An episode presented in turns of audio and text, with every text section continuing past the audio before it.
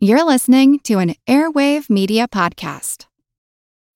When you need mealtime inspiration, it's worth shopping Kroger, where you'll find over 30,000 mouthwatering choices that excite your inner foodie. And no matter what tasty choice you make, you'll enjoy our everyday low prices, plus extra ways to save, like digital coupons worth over $600 each week. You can also save up to $1 off per gallon at the pump with fuel points. More savings and more inspiring flavors make shopping Kroger worth it every time. Kroger, fresh for everyone. Fuel restrictions apply. As a longtime foreign correspondent, I've worked in lots of places, but nowhere as important to the world as China. I'm Jane Perlez, former Beijing bureau chief for the New York Times. Join me on my new podcast, Face Off US versus China, where I'll take you behind the scenes in the tumultuous US China relationship. Find Face Off wherever you get your podcasts.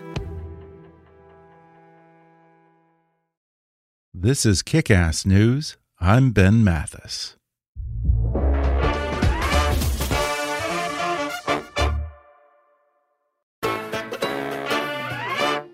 Lieutenant General H.R. McMaster served in the U.S. Army for 34 years and then as National Security Advisor to President Donald Trump. The author of the best selling military classic Dereliction of Duty, he's written a new book in which he describes his efforts to reassess and fundamentally shift policies while he was on Trump's National Security Council, and offers a bold and provocative re examination of the most critical foreign policy and national security challenges that face the United States today. The book is titled Battlegrounds The Fight to Defend the Free World. And today, H.R. McMaster joins me on the podcast to discuss what it was like to take over the job of National Security Advisor in the chaotic period following the firing of his predecessor, Michael Flynn, how the lessons from LBJ's military cabinet during Vietnam made him even more determined to provide the president with straightforward, unvarnished policy advice, and why some other people in the president's inner circle might not have had the same motivations. He talks about the value of empathy in national security and foreign policy, and some of the biggest challenges America faces, including an emboldened China that's taking advantage of the COVID crisis to advance its own agenda and threaten its neighbors, and a Russia that he says is determined to drag America down with it.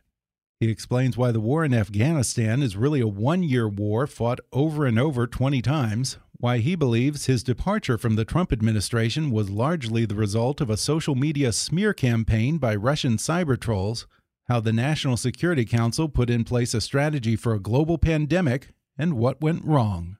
Coming up with H.R. McMaster in just a moment.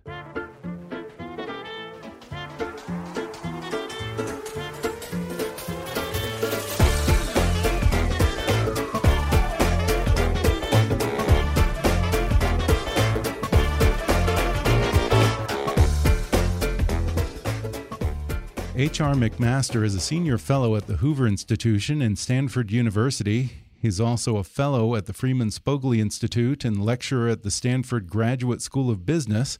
He serves as chairman of the advisory board at the Center on Military and Political Power at the Foundation for Defense of Democracies and the Japan chair at the Hudson Institute.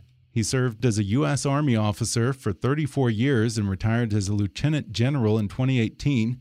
He remained on active duty while serving as the 26th Assistant to the President for National Security Affairs. Now he writes about the experience and more in his new book, Battlegrounds The Fight to Defend the Free World. H.R. McMaster, welcome to the show. Hey, Ben, thank you so much for having me. Pleasure to be with you.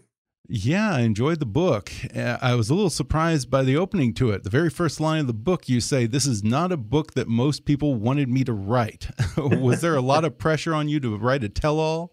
Yeah, it seemed like everybody wanted me to write a tell all. Mm. And and of course, you know, it would have been it would have been lucrative to do that. Mm. And but you know, I just I, I, felt like it wouldn't be useful, right? I mean, you know, how many more tell alls or palace intrigue books do we need? And and Ben, as I went on to say in, in the in the preface, I mean, I hope that this is a book that can generate meaningful and respectful discussion about the most crucial challenges we're mm-hmm. facing as a way to bring people together, you know, and, and for us to figure out what we can do together to to build a, a better future for generations to come. Still, certainly there would have been a financial incentive there and maybe even a personal desire to tell your side of the story and find some vindication. Uh, that wasn't tempting to you? No, it wasn't. You know, and Ben, I'd, I'd, served in the military for 34 years by the time I, I left the job. And, and the, the other dimension of this is, you know, the national security advisor is the only person in the foreign policy establishment who has the president as his or her only client. And then to mm-hmm. violate confidence, you know, during that same president's term, I think would raise into question the loyalty of future national security advisors for any mm-hmm. president. So I didn't want to do mm-hmm. damage to the office, and certainly I didn't want to do damage to the military profession as well. And I think mm. it's really important, especially these days, to ensure that our military stays completely above and, and away from any kind of partisan politics.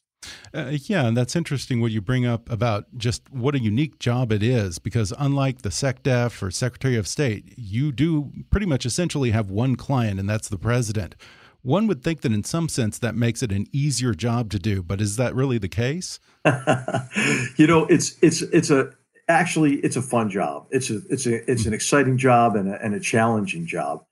And really, it, it, it sounds like it's just you and the president, but really, what's critical is that the national security advisor runs a process to coordinate and integrate efforts across the departments and, and agencies. So it's really mm-hmm. important to establish a collaborative relationship, good relationships with the departments and agencies, convene them around our most crucial challenges. And then what we endeavor to do is to frame these challenges, to kind of apply design thinking to them, right? To, to understand these, these challenges on their own terms, to view them through the lens of vital interests, to craft goals and objectives, and then to, to, to really bring together that expertise across the government to figure out how we integrate all elements of national power, you know, diplomacy, military efforts, law enforcement, economic efforts, financial efforts, informational efforts, uh, and efforts of like minded partners around the world to advance and protect our interests, to make sure that our future is, is as safe as it can be, as prosperous as it can be. Uh, yeah, and here you describe the five major responsibilities of a national security advisor. I wonder if you would run us through those and sure. maybe even you might reveal which of those that you think that you really excelled at and maybe one that wasn't so much in your wheelhouse.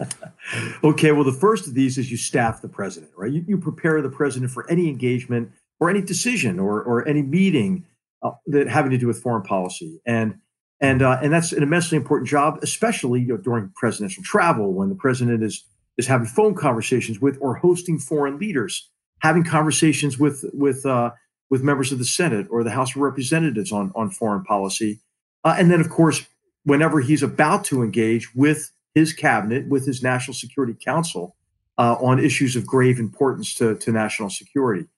So staffing the president, preparing the president is is uh, is is one big task. The second I, mentioned, which is which is running that process, and and I modeled myself after General Brent Scowcroft, who passed away sadly earlier this year, a, a real, uh, a fine man and a true professional.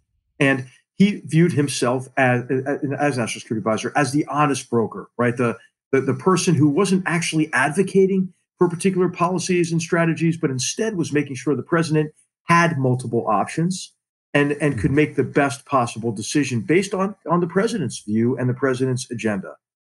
The third, the third key task is is to coordinate um, efforts with like-minded partners to try to, you know, to try to forge a common understanding and and unity of effort, uh, synergistic efforts with with allies and and and those countries that we're cooperating with. And I really enjoyed that part of the job. we, I had some great counterparts as national security advisors. Sometimes you, you coordinate with with uh, uh, foreign, foreign ministers or you know the equivalent of Secretary of State, but that's rare or sometimes heads of state. Because I had some pre-existing relationships with uh, with heads of state as well, and I think we work extremely well together with with our key allies uh, during that period of time. The fourth, the fourth is is communicate to communicate the president's decisions and policies to the relevant audiences. Uh, that's certainly our representatives on the Hill, our, the Senate and and uh, and House of Representatives. Sometimes it's it's foreign. It's it's, it's also foreign, uh, you know, for, foreign audiences. Uh, but but really, uh, you know, it's it's also um, you know it's it's also the American public at times. Now, I would prefer not to do that actually, you know, to to let the you know let the cabinet secretaries do that, but oftentimes you know they they were reluctant to do so, so I had to do that on occasion. And then finally, you have to lead an organization, right? You want to build a National Security Council staff that is effective, uh, that's trusted and valued across the government, and, and, also one that an environment in which people want to come to work, right? Because they feel like they're making a difference and they're bound together by, you know, by a sense of, of mission, doing something bigger than themselves, and and they're bound together by mutual trust and respect within the organization itself. So, you know, I, I really, you know, I think in that last job, if you said which one I, I did well, I think it was that. You, of course, came into that post at a particularly chaotic period early in the Trump administration. Your predecessor, Mike Flynn, was fired and under investigation for not disclosing some improper dealings with Russian officials. What was it like to step into that job at that moment? I came into a, as you know, a turbulent, a turbulent environment. Uh, my predecessor left suddenly. You know, the the transition to the Trump administration was was dramatic, significant, based on, course, the personality of Donald Trump, but also the the vast differences in approach between the, the Obama administration and the Trump administration.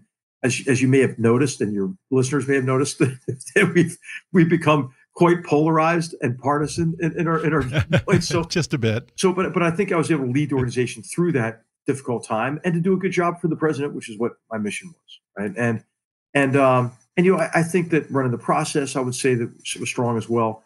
You know, I, I think in terms of staffing the president, right? I, I did my best on that. But I think in that job, in that environment, you know, I just got used up, frankly, right? and I was and I was at peace with that, right? I, I, I write I do write in battlegrounds about it being a toxic environment, about mm-hmm. everybody really not taking the same approach to his or her job as maybe as maybe I did, having served by the time I, I joined the administration, 33 years as an active duty officer. This was my fifth commander in chief since entering entering West Point at the age of 17, right? So, yeah. so I, you know, I, I think there there there are some people who serve in Washington for purposes other than, than, than to serve uh, the elected president and do their best under the Constitution. Uh, they have some of them have other agendas. Yes, I've noticed that phrase used up has come up a number of times in your interviews around this book. What do you mean by that? Is there a distinction between feeling used up versus feeling used? Do you have any regrets about your time there? Grudges, unfinished business, or things that you wish you'd yeah. done differently? Well, I mean, the job's never done, right, with any of these challenges. Mm -hmm. So, so the, the two regrets leaving were first of all, I was leaving my military career after 34 years. So mm -hmm. I had I had been involved in in missions, important missions abroad, you know, that that uh, that were critical to our our, our country's security and and I was leaving behind my fellow soldiers, you know, my my brothers and sisters who I'd fought alongside uh, for so long, and that's tough, right? Leaving them behind, and they're still in the sure. fight, right? Because we, you know, the, these the wars, particularly in Afghanistan and, and across the Middle East and and in uh, Iraq and Syria in particular, we're not not finished. You know, they're not going to be finished. I don't think for the foreseeable future. Mm. So that was tough, leaving behind uh, teammates. Uh, but I decided when I took the job, Ben, that I was going to retire out of that job right? I wanted to, it to be clear that I wasn't taking the job to get a fourth star or something, you know, or okay. to advance my career. Um, and and uh, but you know, I I, um, I also regretted leaving behind the, issues, right, and and the work on on policy. But I, as I mentioned, you know, I, I, got to the point where I don't think I was, you know, I, I, was able to do that as effectively as when I began the job, and and a lot of that had to do with with, with those who were in you know the White House in, in the administration, and I think this is true of any administration uh, that that are that are there not to serve the president and give the president options, but they're there instead to advance their own agenda, right? And so that I mentioned the second duty is to run that process. I think Ben, we ran it extremely well, but some people didn't like that. Actually, they they didn't want the president to have options plural. And then there's a third group of people that I would say kind of cast themselves in the role of saving the country, maybe the world from the president, right? This is the mm-hmm. kind of the anonymous author um, that. Uh, and, and what's dangerous about that is those two groups of people. I mean, they're they're undermining the Constitution. Nobody elected them, right, to make policy. True. Yeah, I want to talk about your previous book for just a moment here because in Dereliction of Duty, another book of yours that I've read, you write at length about the failures of President Johnson's military advisors to push back against Johnson's assumptions about Vietnam and to give him unvarnished advice because a LBJ is a tough person to challenge. Let's be honest, and also because they didn't want to get shut out of the loop. Having right. now been in that position as national security advisor, did you feel yourself up against some of those same pressures to maybe be careful with your advice or avoid anything that might contradict the president's preferences on a given issue? Well, Well, Ben, I mean, I didn't deliberately antagonize the president for sure, but but I never, but I never, I never held back, right? And and, and I think that was due in part to my research on on Vietnam. I was given this great mm-hmm. gift, right? I mean, the army and service in our military is super rewarding, right, for a number of reasons. But service as an officer affords you an opportunity to really grow as a person, consistent with the adult education model, right? You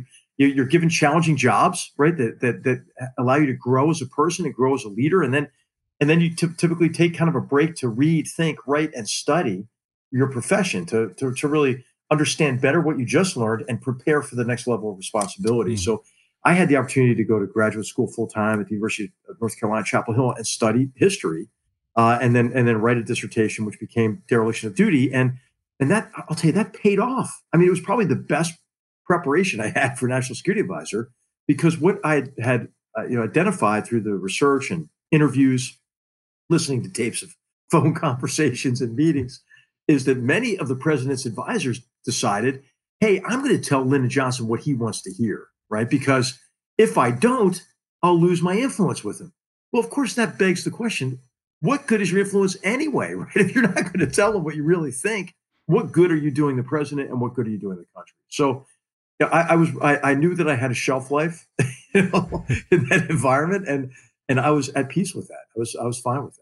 Uh, speaking more generally, you've been called independent, a rebel, an iconoclast for some time now. Uh, how do you advance in the military and earn three stars and still speak your mind when you need to? Uh, how do you do that without committing career suicide in that business? Well, you know, I mean, there's this conventional wisdom, right, that the military is very much, you know, uh, conformist, right? Like right. the expectation is, you know, don't challenge authority. You know, you know, the, the only the only uh, the only proper response when your when your boss has a good idea is, is you know I wish I had thought of that, sir. You know, and that's really, but, but that's not the case. I mean, the military wants really? candid feedback because you know the stakes are high, especially in war when the stakes are life and death, right? So in the U.S. military, which is not the same with all militaries, you know, we encourage candid feedback, respectful feedback, but candid feedback. And I think in any walk of life, you can't go wrong if you're if you're humble about it, right? And if you and if you always bring it back to the objective, and you can just say, "Hey, whatever commander is," or "Hey, Mr. President, right? is yeah. is this what you're trying to achieve?" And then once you can you confirm that, say, "Well, let me bring you a couple other options that I think might be more effective in accomplishing your objective or your goal." Hmm. And and I'm sure it's like this in the corporate world as well. Well, sometimes you bump up against somebody that's just you know incorrigible, right? Somebody that's just difficult to work for, you know, and and that happens in all walks of life. It happens in the military too, but but in my experience, that was very rarely that that happened. Well, the full title of your 1997 book was Dereliction of Duty Lyndon Johnson, Robert McNamara, the Joint Chiefs of Staff, and the Lies That Led to Vietnam. And now you've written a book that, in large part, is about the lies and misguided assumptions that the U.S. has been telling itself ever since the fall of the Soviet Union. I wonder, can these two books be viewed as a piece? And are there some themes and problems that remain consistent across those 55 years? Well, Ben, thanks. I mean, I think one of the themes that cuts across both of them is this idea of strategic competence. What does it mean mm. to be able to develop sound strategies to overcome complex problems and, and, and challenges? And I think many times as Americans, you know, we just rush into action, you know, and with, with, with an incomplete understanding of the problem. And so I, hmm. I outline in Battlegrounds at the end really what I think is the process that you have to undertake to, to develop a sound competent, sustainable foreign policy and national security strategy. And, and first, it is to, to really understand these challenges on their own terms, to view them through the lens of vital interest, to craft those objectives, but then to importantly, importantly, to pay attention to the competitive environment that you're in and to recognize that the future course of events depends not only on what you might like to do, but on the adversary's aspirations, you know, their strategy and their actions, which are also oftentimes difficult to predict from from, uh, from the outset. And so I, I use this term in the book, strategic narcissism, to describe how we tend to define these challenges only in relation to us, and then to consider that what we're going to do is decisive to the outcome. We oftentimes then engage in wishful thinking, mirror imaging, and ultimately self delusion. I mean, I, I, tell a story in Battlegrounds about my trusty sidekick on, on many missions in, in, in the Middle East. Uh, a guy named Colonel Colonel retired now, Joel Rayburn, who uh, who's now working in the State Department, just a wonderful ser- servant of the nation. And we were discussing the complete disconnect at the time between our strategy and policy that was developed in Washington and the situation on the ground in Iraq. That it really led to the led, led to the situation in which we were in a rush to failure there.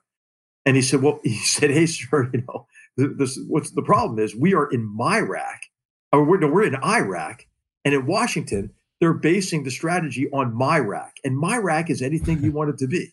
And, and so, so I think the main theme that connects the two books is, is strategic competence and how to think about these complex problems and how to develop develop sound policies and strategies. Uh, yeah, readers might be surprised at how many times the word empathy comes up in this book, and and in other conversations that I've heard you have, uh, even talking about uh, the George Floyd murder or empathy in foreign policy. What's the role of empathy in national security? Right. I, I think it's immensely important. I borrowed this term from my friend Zachary Shore, who's a brilliant historian. He's written some great books. One of them is called Blunder why smart people make dumb decisions. And then there's a another one called a sense of the enemy, in which he introduces this term strategic empathy. And he means that it's very important to, to view these, these competitions from the perspective of the other, adversaries, rivals, enemies, and in particular to pay attention to the emotions, the aspirations, the ideology, uh, the, the historical memory and culture that, that drives and constrains the other oftentimes we do engage in mirror imaging and we think, well, it would be in our interest to do, you know, fill in the blank. Therefore, it must be in our adversary's interest to do the same. So in each of the in each of the parts of the book, I try to view these challenges from the perspective of the other with particular attention to how really the past produced the present and how others historical memory color really their their actions today and how they see the future we're going to take a quick break and then we'll return with more when we come back in just a moment.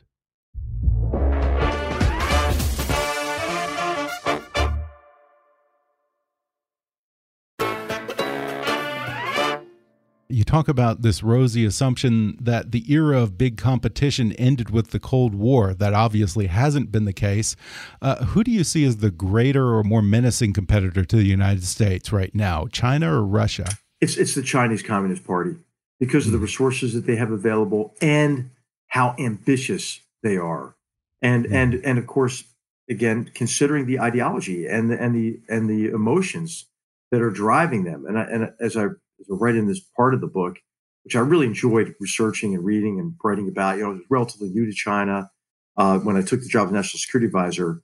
And, and I, as a historian, I really enjoyed learning more about, about Chinese history and then using that the history that you know that that that, that Chairman Xi Jinping draws on, as well as the, the history that he avoids talking about, you know, like yeah. the Great Leap Forward and the Cultural Revolution, uh, to how that how that provides a window into what's driving him. And I, and I argue that it's a combination of fear and ambition.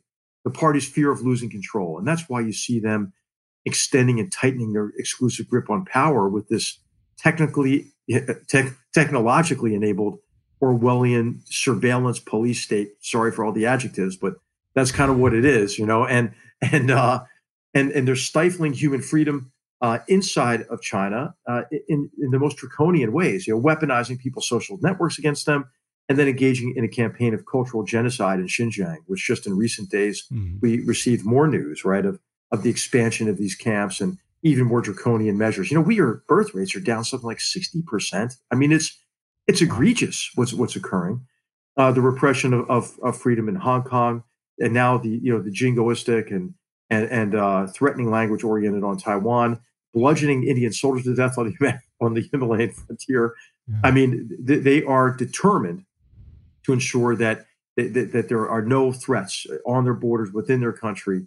Uh, but then it's it's a grand ambition as well to take center stage uh, in the world to create exclusionary areas of primacy across the Indo-Pacific region, and then to challenge the, the United States globally and, and really the free world globally.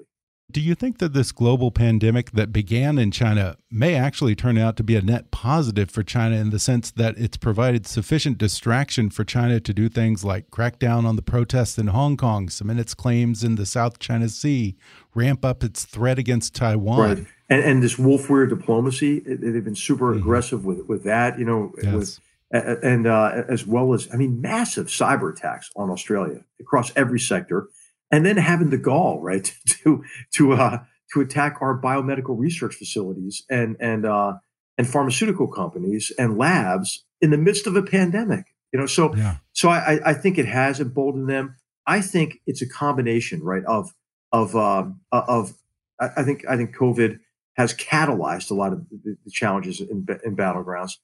Uh, but but it's also, I think, created an impression for them that they that this fleeting window of opportunity that they have, you know, to take what they view as their rightful place in the world might be closing even more rapidly, based on on the recession in China associated with COVID. Even though they are the first to emerge and to begin, they're grow, growing their economy again. Um, so I, I, think there's also a sense of desperation here. Uh, there's the, the, other factor that Xi Jinping is coming up on the Communist Party plenum here in Congress in uh, in 2022, and this is when he wants to make good on everything. I think this is when he clearly w- wants to be then the ruler for life at that stage and and be the next Mao Zedong. So hmm. it, he feels a sense of personal, uh, you know, personal pressure. And you know, hey, if you're a dictator, you do surround yourself with yes men. You know? And I bet, yeah. I bet he's hearing a lot of, "Hey, you're the greatest. We're on top. You're, we're winning. Look at the United States. The United States is had is struggling with COVID and the recession, and now look at the social divisions laid bare uh, by George Floyd's murder, uh, anger you know, over over unequal treatment and inequality of opportunity, and and and and and the racial divide and so forth. And and I think you know he's probably believing the people around him, and maybe even believing their own propaganda. You know, I I tell I tell the, the story of battlegrounds where I just I just tell you know really how the the party does it with their own population, but but you know every newscast in China is you know the first 15 minutes is is you know how great Xi Jinping is and and the, and the senior Chinese Communist Party's leader. The next the next 15 minutes is how they're winning, right? How how their system is is is great, uh, and and how their economic growth is, is, is proceeding at pace, and infrastructure projects, and just you know just tremendous achievements across the board. And then the next 15 minutes is how screwed up the West is, how screwed up, you know, all those democracies are with these crazy ideas of, of rule of law and that the people should actually have a say in how they're governed, mm-hmm. you know? So, so I, I think, yeah. you know, I, I think that, that it is a very dangerous time as a result of that. I think COVID 19, for a variety of reasons, has catalyzed uh, these challenges. And in particular, uh, the, the, aggression of the Chinese Communist Party. Uh, yeah, and I actually enjoyed your section describing the president's visit to China and uh, sort of the tourist stops that you guys made and the photo ops that were very deliberately crafted, some would say manipulated, to present a very specific message to the Chinese people. Uh, talk a little about that. Well, to the to the Chinese people, the message is: look, the the leader of what used to be the greatest power on earth has come to the Middle Kingdom to to pay homage to uh, to to Chairman Xi. Uh, and, but but then also it, the, the message was to the to countries in the region too, with uh, with with which uh, the Chinese Communist Party is trying to develop servile relationships uh, in a number of ways, just straight up intimidation. Right at a, at an APEC conference in uh, 2015, this is uh, Asia Pacific Economic Cooperation Organization that brings together countries across across South Asia, Southeast Asia, and uh, and, and uh, my old interlocutor, Yang Jiechi you know, who's who's now a Politburo member and has the foreign uh, portfolio, you know, he just said to all the countries gathered, "Hey, you know, we're a big country, you're little countries. Get used to it." so, so, so, I mean, the, the, Chinese Communist Party is not very subtle about any of this, mm-hmm. you know, and and um, and I think that they're becoming more and more aggressive in the region, and and and and so and so Trump's visit was meant to show them, hey, look, look who's in charge here, right? And and this is the language they try to use, right? When they say a new kind of great power relationship. There's some of the phrases they use, they sound, you know, they sound kind of innocuous. But as soon as you use them, if you use them as a U.S. leader, they just bludgeon mm-hmm. their neighbors with it. Hey, doesn't cut you know what this means? This is a G2. This is G2. That means the world's divided between the U.S. and and China. And guess what side of the world you're on? So you better get with the program. I mean, that's that's their that's their message.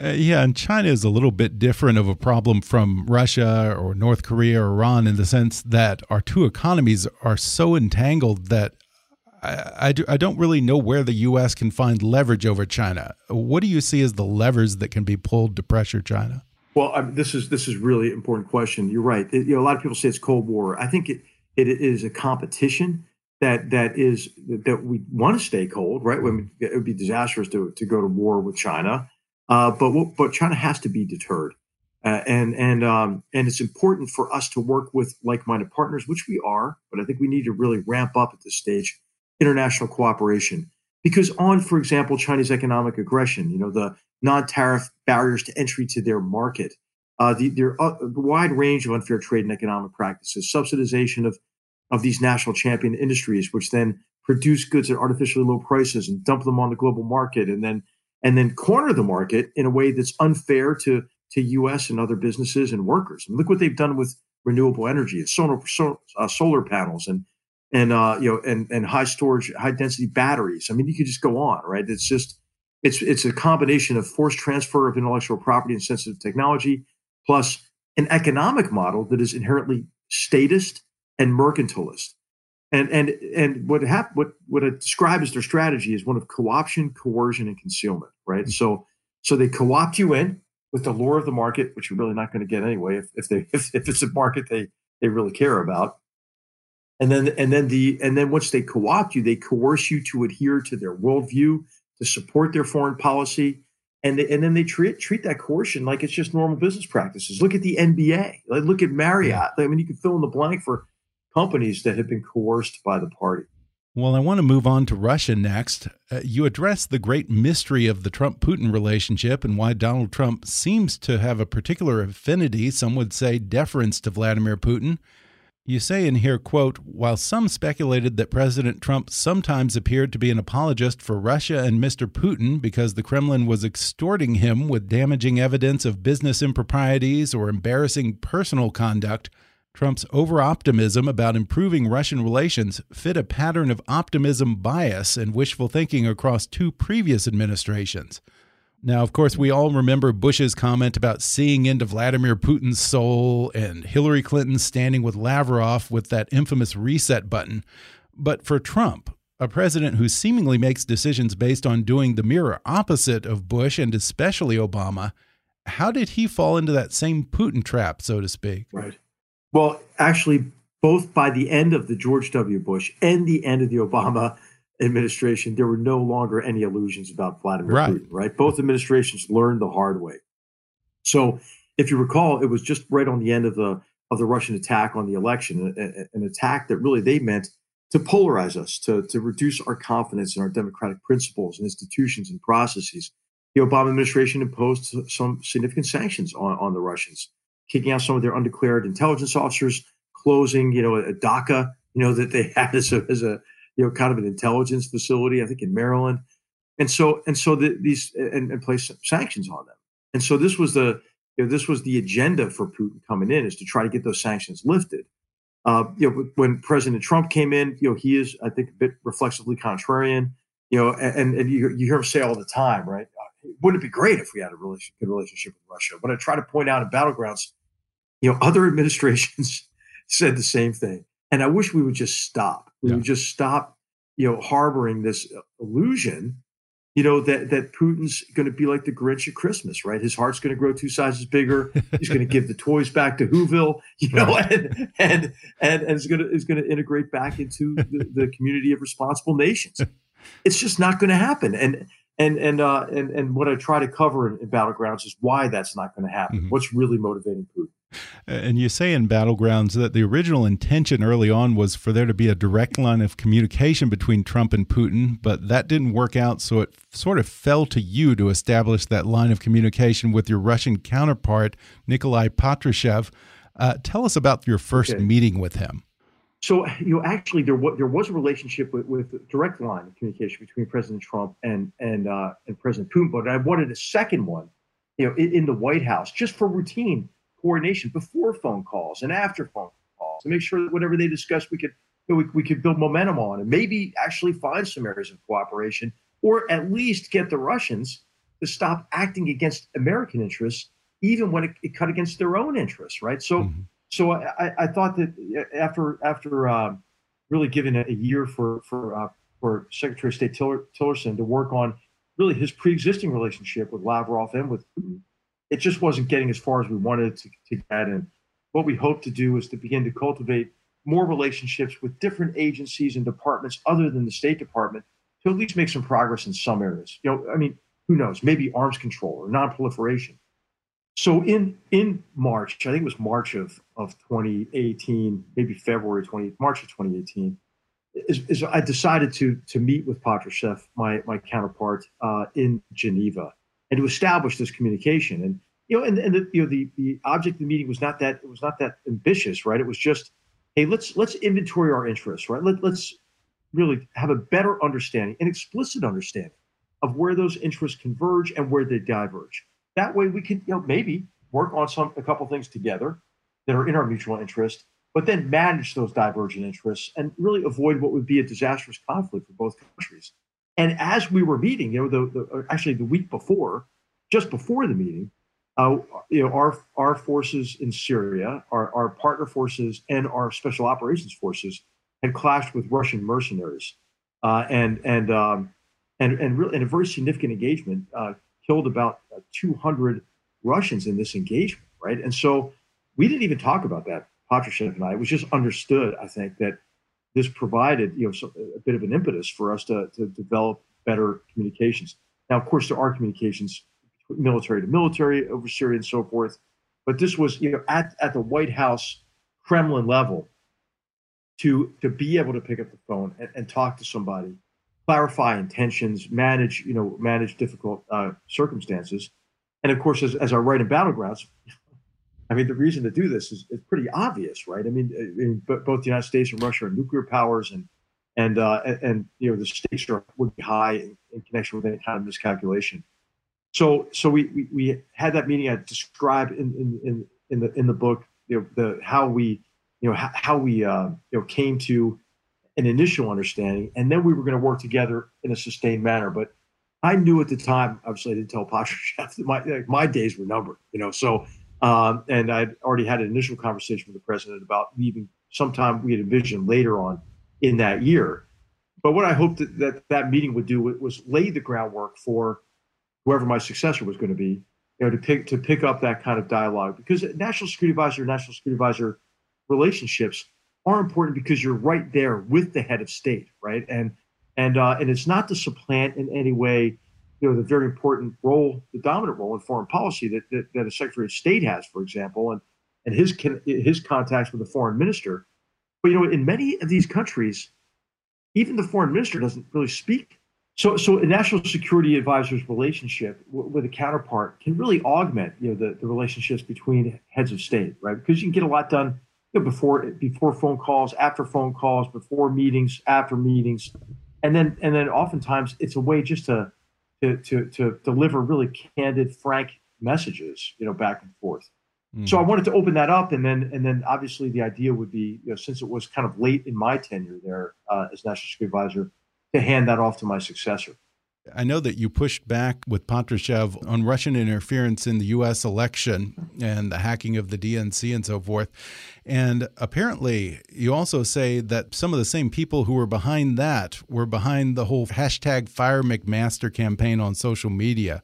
Uh, I'm curious, how do you know that? What do you base that on? Well, there was a lot of open source research, right? So mm -hmm. initially, it was the Atlantic Council's Digital Forensics Lab uh, who, who uncovered a lot of this, as well as investigative journalists it was pretty well covered at the time. It was called at the time the largest coordinated, you know, Russian bot slash alt right campaign against against any against anybody. so so I guess it's a it's a form of a compliment. What it was. but but the um, it, it, really I think what this shows is how Russia's getting much more sophisticated. Right? They're not mm-hmm. only not only are they trying to polarize us uh, our society and and uh, you know and polarize us politically and pit us against each other and diminish our confidence in, in, in one another. But they're they're also really determined, I think, to, put sticks in the spokes of our government, right? To uh, to, to really kind of um, disrupt even the functioning, you know, of uh, of, a, of an administration by by really really feeding into the dissent, uh, you know, within administrations or or with uh, you know with competitions within within government.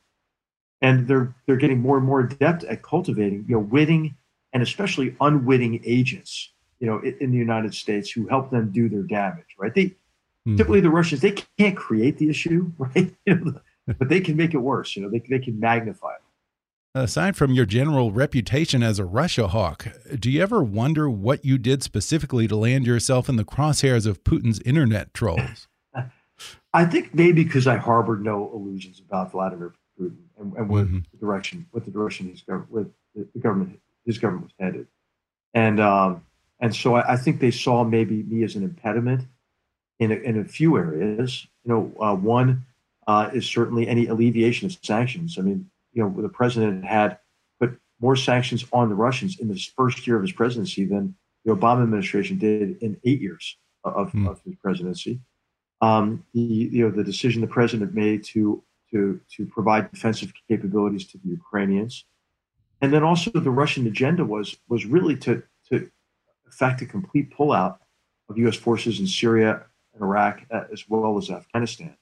And the president that delivered a South Asia strategy in April of 2017 that was much different than what Russia would have seen. And that's mm-hmm. not to say that they attributed all of that to me, but I think they saw me as, as somebody who was actually advocating policies that they saw cut against their interests, the mm-hmm. opposite of what they wanted to see, uh, as, as well as somebody who was taking kind of a tough stance on Putin, really under the theory that he wouldn't stop his destructive and disruptive capabilities and or efforts against this, what I describe in battlegrounds as, as Russian new generation warfare, uh, unless we impose costs on Putin that were far greater than what he factored in at the outset of his decision making. Uh, you mentioned Afghanistan, and as we wind down here, I have to ask about that. That's somewhere where you've served. Uh, you say in the book that Afghanistan has been a one year war fought over and over again for 20 years. What do you mean by that? Well, exactly that, Ben. We have not had a sustained, sound strategy in Afghanistan from, from the beginning. At times we got it right, but then we would abandon that strategy prematurely. And so what, what happened in, you know, paradoxically, right, in, in, in, uh, in 2000, 2001, we had an extremely successful military campaign where we enabled Afghan militias with, you know, with our courageous special forces soldiers and intelligence uh, people and and uh, and our and our magnificent you know air power capabilities, right? And what that did is that affected the rapid collapse of the Taliban regime, but it was an insufficient strategy to consolidate gains and get to a sustainable political outcome on the ground. And and you know consolidation of gains has has never been like an optional phase of war, unless it's a raid that you're doing. And and um, and so the short war mentality actually led to a longer and more costly war. We then turned our attention quite rapidly after that, that military success in Afghanistan toward Iraq. Afghanistan was neglect, neglected in terms of you know what comes next after the Taliban. How can the Afghan state be hardened and strengthened against the regenerative capacity of the Taliban, which which lies you know, across the border in Pakistan? We never we didn't endeavor to do that until really the very end of the Bush administration. And then as the Obama administration came in, he was quite eager to disengage from from wars abroad, even what he had called the good war in, in, in Afghanistan. And, and this is why in 2009 he, he announces at the same time as a troop reinforcement the timeline for their withdrawal. Now, I mean, in, all the wars I'm familiar with in history, I, I, don't think that's ever been done. And of course, it's never done because it makes no sense to do that.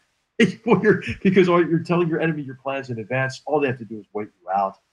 And then there were a series of adaptations to strategy over time, none of which were particularly sound or long term, and were based on flawed assumptions about the enemy and the nature of the of the problem in Afghanistan and what was at stake. And I think it shouldn't come as any surprise that the American people lost faith in the effort. Their leaders didn't didn't really do for them what they deserved, which is a explain what is at stake, and b ex- explain what is the strategy that will deliver an outcome consistent with our vital security interests at a cost that's acceptable. And and then I think the true test of strategy, having been on the receiving end of of strategies that made no sense or little sense in both Iraq and Afghanistan, is can you explain to the soldiers who are about to go out on a dangerous mission how the risks that they're about to take and the sacrifices they may be called on to make are contributing to an outcome worthy of those risks and, and, and, and worthy of those sacrifices. And it was only rarely in, in, in the wars since 9 11 when, when commanders have been able to do that because our strategies developed in Washington have been fundamentally flawed. And I, and I describe more about why that's the case and, and then what is needed to restore our strategic competence uh, in, in battlegrounds. Well, I know that you have to go, and I appreciate your generosity with your time. Uh, real quickly, I just want to ask uh, Did the National Security Council in your time have a strategy for a global pandemic? And if so, where has it gone wrong now? Right. Well, we did, right? And, and what this shows you is hey, you can have the best plan. You know, the key is implementation. The, the plan, and, and really, I think this is still quite relevant today.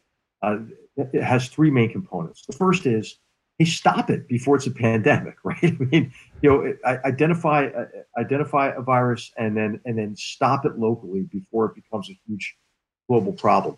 Thanks to the to the policies of the Chinese Communist Party, we, we couldn't do that. The lies, the, the repression of human to human transmission, the punishment of the doctors who were trying to blow the whistle, the subversion of the World Health Organization. The second key is to be able to mobilize a biomedical response. And this is where we had problems, right? We couldn't react fast enough.